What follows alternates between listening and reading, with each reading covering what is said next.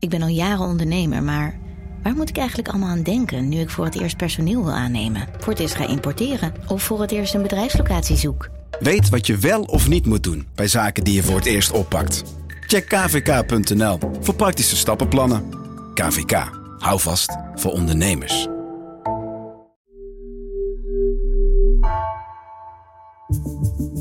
Vanaf de redactie van NRC het verhaal van vandaag. Mijn naam is Floor Boon.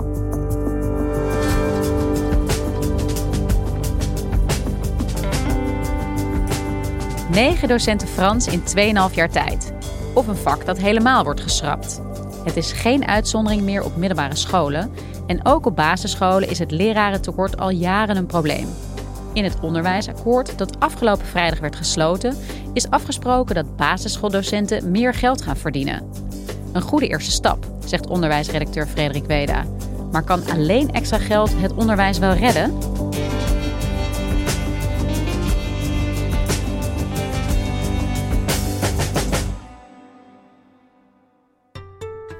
Ik sprak ongeveer een maand geleden Sophie van Westrenen, een uh, moeder in Rotterdam.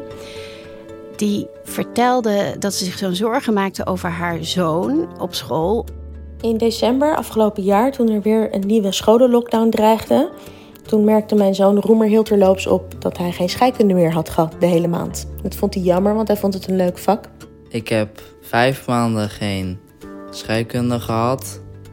De afgelopen twee maanden geen economie gehad. Ik heb dit jaar heel weinig Duits gehad. Hij zit in de derde klas en uh, nou, gewoon gaat allemaal prima. Maar zijn leraar Frans was weer eens ziek. En wat bleek, hij had dus in 2,5 jaar schooltijd, zeg maar sinds september um, ehm, 2019, negen leerkrachten Frans gehad. Negen in 2,5 jaar tijd, dat is echt onvoorstelbaar. Het duurde best lang voordat tot me doordrong hoe weinig les hij eigenlijk kreeg. In de coronaperiode waren we toch aan gewend geraakt dat veel lessen uitvielen of anders liepen. Of dat ze dan toch thuis moesten blijven. En eigenlijk het afgelopen schooljaar was het weer min of meer normaal. En als je dan beseft van, maar hij krijgt bepaalde vakken gewoon helemaal geen les in, omdat er gewoon helemaal geen docent is, daar word je gewoon heel moedeloos van. Zij begon echt te voelen dat het leraartekort, dat de school daaronder leidt en de kinderen ook. Uh, en ze had het dus met andere moeders of vaders ook over gehad. Ik maak me zorgen omdat Roemer een zekere basis mist in het begrijpen van een taal. Hij doet het erg goed op school, hij had goede cijfers. Alleen Duits en Frans, daar mist hij echt uh, de basiskennis die hij nodig heeft om die taal te kunnen begrijpen. En hij moet er wel eindexamen in doen. En heel veel ouders herkenden het. En toen we dit hoorden van Sophie, de moeder in Rotterdam, hebben we dus besloten om het wat verder uit te zoeken. En iedereen kon natuurlijk alleen maar uh, erkennen en beamen. Het is echt een, ja, het is iets wat je vaak hoort voorbij komen in Vlaarden, maar het is iets wat nu echt heel groot is. En uh, eigenlijk uit zijn uh, voegen begint te barsten, dat tekort. Ja, ik wist ook wel dat het erg was. Maar dat het zo slecht is ook in het middelbaar onderwijs, dat wist ik eerlijk gezegd niet zo duidelijk. Ja, jij schrijft over onderwijs, uh, Frederik. Sta je hier nou toch van te kijken? Nou, ik sta er niet echt van te kijken, maar ik vind het wel nu heel pijnlijk worden, ja. Wat weten jullie van de cijfers als je het hebt over uh, uh, landelijk, maar ook misschien de verschillen tussen ja. de Randstad en andere delen van het land? De verschillen zijn inderdaad groot tussen de Randstad en de regio. Maar de verschillen zijn ook groot binnen de Randstad. Um, zeer goed bekendstaande scholen met welvarende ouders en een uh, welvarende buurt, om het zo maar te zeggen, hebben minder last van het tekort dan scholen in achterstandswijken en in arme steden of delen zoals Rotterdam Zuid of uh, de Schilderswijk. Dus in de, in de armere delen van uh, Nederland speelt dit veel sterker. Um, maar het gemiddelde, als je al deze verschillen in acht neemt, is het gemiddelde 16% op de basisschool tekort en 9% in het voortgezet onderwijs. En 13% van de scholen heeft niet eens een directeur die alles moet regelen. Die dus hè, de nieuwe leerkracht moet zoeken, vacature moet uitzetten, moet, uh, een, personeelsplan moet maken, roosters moet regelen.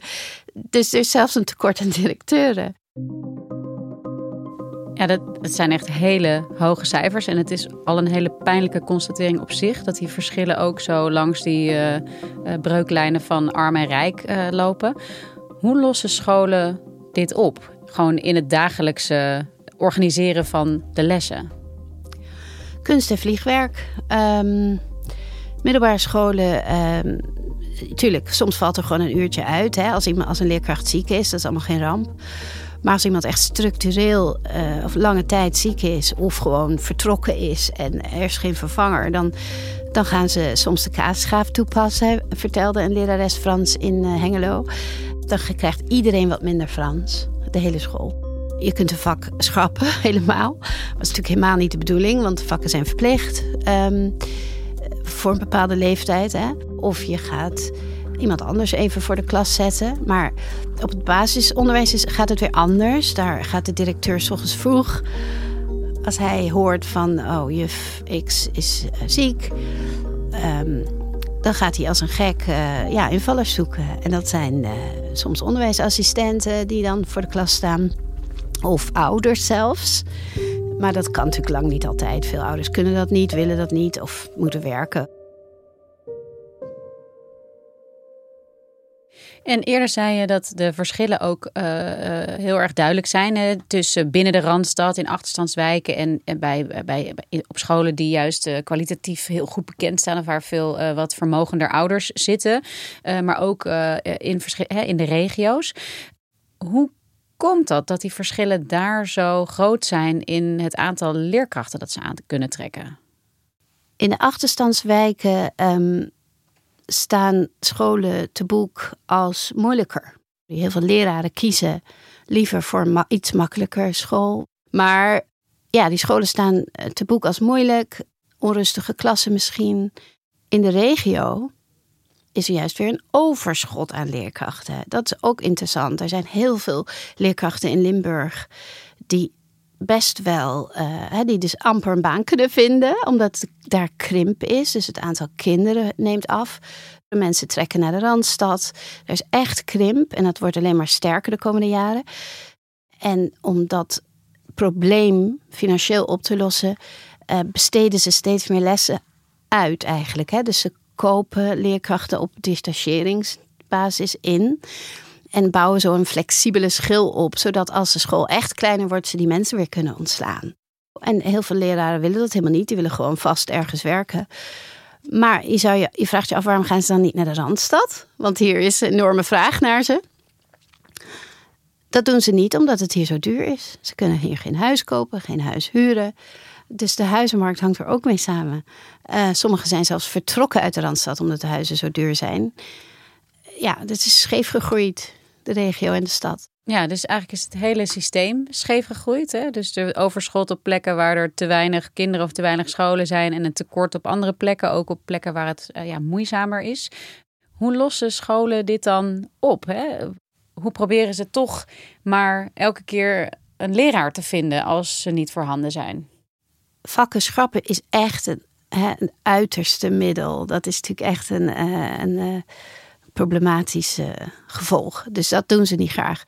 Wat wel is gegroeid enorm als oplossing, als tussenoplossing, is dus de detacheringsopties en de uitzendleraren. Die um, worden ingehuurd via een uitzendbureau. Deze dag is voor alle invallers in het onderwijs. Zij vallen in als er iemand uitvalt. Je probeert je leerlingen elke dag weer wijzer te maken. Je deelt leerstof, geeft stof tot nadenken en bent klaar voor een nieuwe uitdaging. De solliciteer en wordt ook gecertificeerd invaller. En die kun je dus wel vrij snel krijgen. Alleen die kost veel meer geld, dus uh, eh, 130% ongeveer als het niet meer is. En die, ja, natuurlijk gaat daar wel even een weekje overheen. Hè. Het is niet zo dat je die meteen voor dezelfde dag kunt krijgen als schooldirecteur. Maar voor, als je die voor een half jaar nodig hebt of voor een paar maanden, of, dan lukt dat wel vaak via een detachering. Ja. Is dat nieuw in het onderwijs, dat detachering zo'n grote rol speelt in uh, ja, het uh, regelen van leerkrachten? Het is nieuw dat het zo'n vlucht neemt. Het bestaat al een aantal jaren hoor. Maar uh, er zijn nu zelfs grote contracten tussen grote schoolbesturen. Hè. Je hebt de besturen met 50, 60 scholen eronder. Basisscholen bijvoorbeeld. En die hebben nu zelfs sinds vorig jaar contracten afgesloten met grote uitzendbureaus. om gewoon een soort gegarandeerde uh, afname aan leerkrachten te kunnen regelen. En om de prijs te drukken. Want de detacheringsbureaus die speelden scholen tegen elkaar uit. Ja, dat was echt keiharde marktwerking waar scholen eigenlijk niks mee kunnen.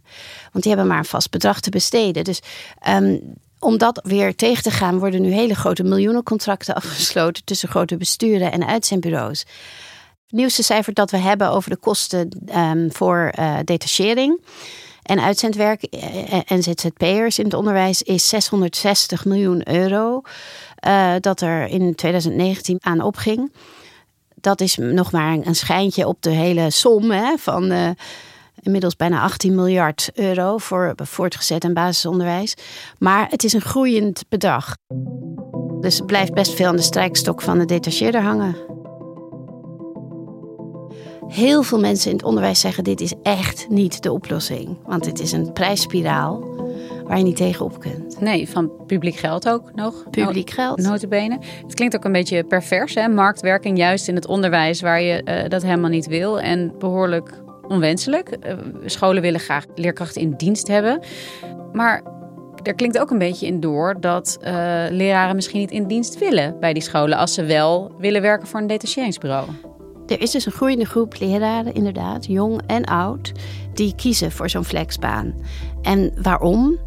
Ze verdienen ietsje meer. Ze hebben meer te zeggen over hun tijdsindeling. Ze eisen bijvoorbeeld gewoon, ja, ik wil pas om negen uur beginnen. Ze hoeven niet lange vergaderingen uh, te doen. Allerlei vervelende, zogenaamd vervelende verplichtingen van het onderwijs... die vervallen als je dus alleen maar uurtje factuurtje wordt ingehuurd... voor die paar lessen Frans of wat, scheikunde of natuurkunde. Dus het is een, groep jonge leraren die dat graag doet. Omdat, ook omdat ze zeggen, ik wil me nog niet binden aan de school. Ik wil graag eerst even om me heen kijken wat er allemaal te koop is. En er zijn oudere leerkrachten die klaar zijn met um, altijd vastzitten aan de schoolvakanties. Hè. Hun eigen kinderen zijn de deur uit. Ze hebben hun hele leven die schoolvakanties als indeling van het schooljaar gehad. En die zeggen van nou, ik ga me gewoon een tijdje uh, laten verhuren, laten inhuren. En dan heb ik gewoon minder verplichtingen. Dus het is losvaster. Ja, en goed, één oorzaak noem je misschien al, is dat het, de baan van leraar in zekere zin misschien onaantrekkelijker is geworden. Uh, dat er ook veel administratieve dingen bij komen kijken, dat mensen heel erg vastzitten aan tijden en lesroosters. Uh, maar om even iets meer stil te staan bij die oorzaken, waar komt dit nijpende tekort van leraren eigenlijk door? Ik sprak een leraar natuurkunde in Heerenveen, die al 26 jaar natuurkunde geeft op één middelbare school met heel veel plezier. En zijn zoons hebben ook allemaal een eh, beta-studie gedaan aan de universiteit, drie zoons. En die willen allemaal het bedrijfsleven in. Die kunnen veel meer verdienen, die hebben veel meer kansen, vinden zij, dan hun vader. Dit is toch een van de kwesties. Hè? Jonge mensen willen gewoon meer van de wereld zien. Die willen niet een heel lang op één plek.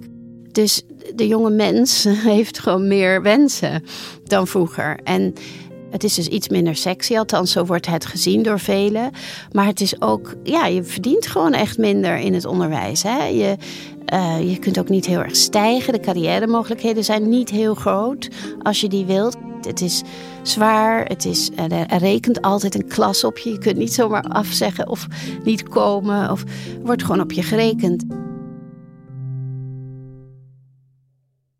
Hoe kan het eigenlijk dat in een welvarend land als Nederland het al zo lang bekend is dat het slecht gaat en dat er gewoon niet iets structureels gebeurt? het onderwijs is echt een van de meest fundamentele dingen van onze maatschappij.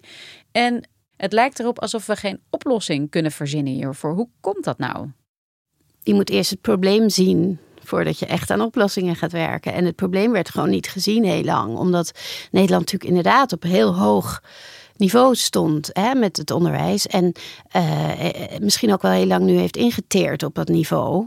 Het is lang versloft eigenlijk. De, de, ze, ze krijgen, kregen jarenlang geen bijscholing, bijvoorbeeld, de leerkrachten.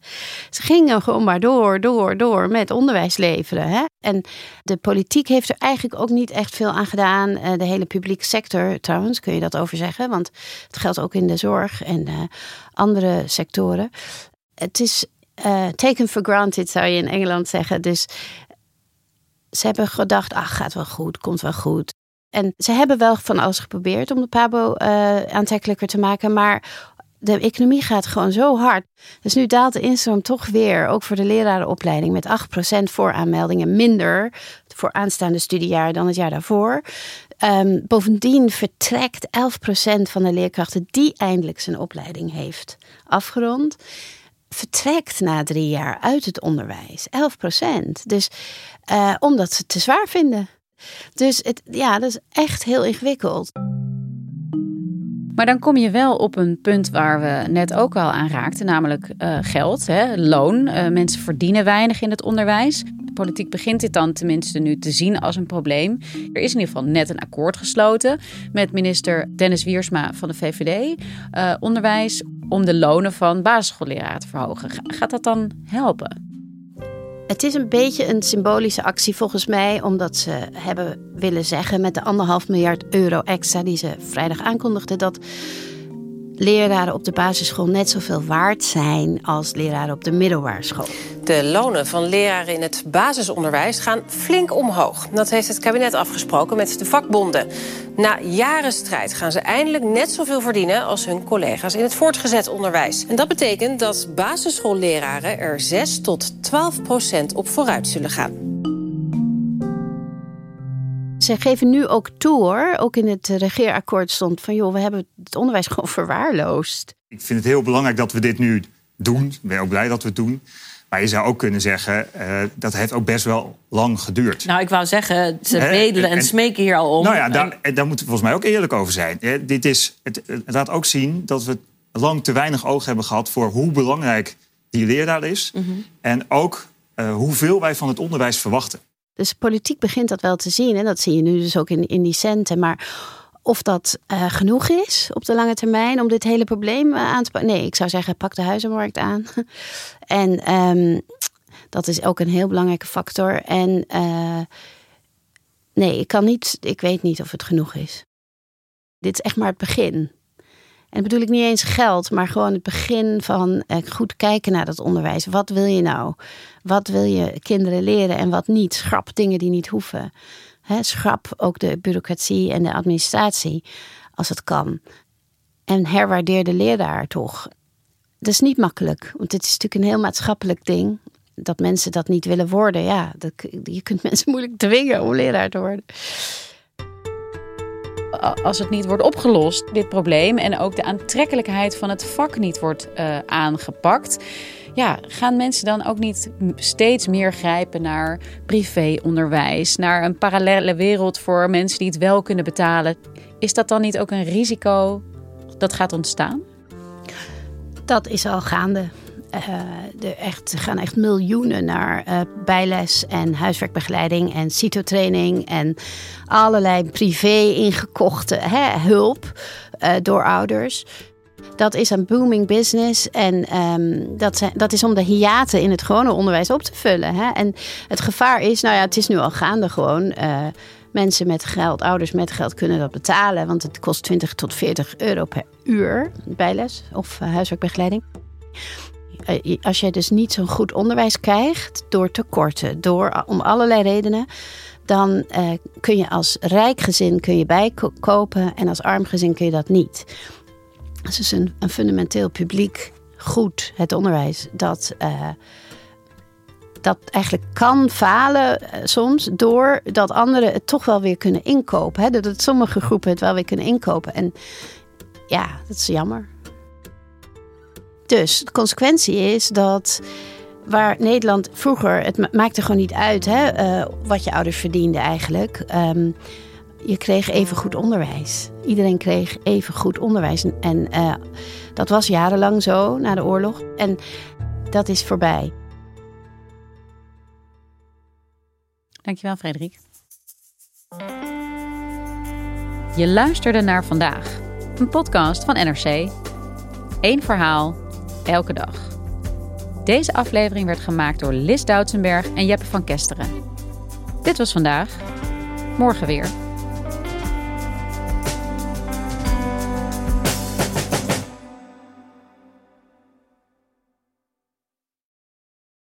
Voorkom dat je vermogen verdampt op je bankrekening. Beleg bij Bridgefund in kortlopende leningen aan Nederlandse MKB'ers. Inleg vanaf 100.000 euro en rendement tot wel 5,25% per jaar. Bridgefund. Make money smile. Let op, u belegt buiten AFM-toezicht. Geen prospectusplicht voor deze activiteit.